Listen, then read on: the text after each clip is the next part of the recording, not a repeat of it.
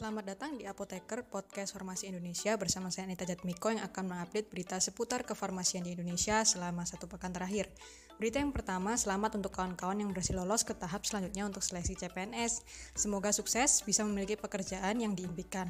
Jadwal seleksi kompetensi bidang atau SKB Badan POM tahun 2021 bisa kamu lihat di sosial media account dari Badan POM. Berita yang kedua, stop penyalahgunaan obat-obat tertentu atau OOT. OOT merupakan obat keras yang dapat mempengaruhi sistem saraf pusat dan menyebabkan ketergantungan serta perubahan perilaku dan aktivitas mental.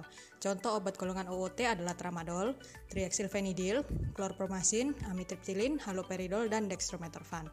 Dampak kesehatan akibat penyalahgunaan OOT adalah kecemasan dan kebingungan, halusinasi, pandangan kabur, penurunan kesadaran, kecanduan, gangguan jantung, hingga gangguan sistem pernafasan. Berita yang ketiga, waspada obat dan makanan ilegal yang diselundupkan di wilayah perbatasan daerah-daerah Indonesia karena pada wilayah tersebut masih minim sekali keamanan akan obat dan pangan. Berita yang terakhir, tanggal 12 November diperingati sebagai Hari Kesehatan Nasional. Yuk jangan lupa olahraga ringan agar tubuh tetap fit selama masa pandemi. Tetap sehat dan tetap semangat, sampai jumpa di Apoteker minggu depan.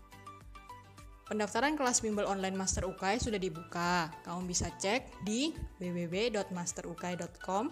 Kalau ada yang murah, kenapa harus pilih yang mahal?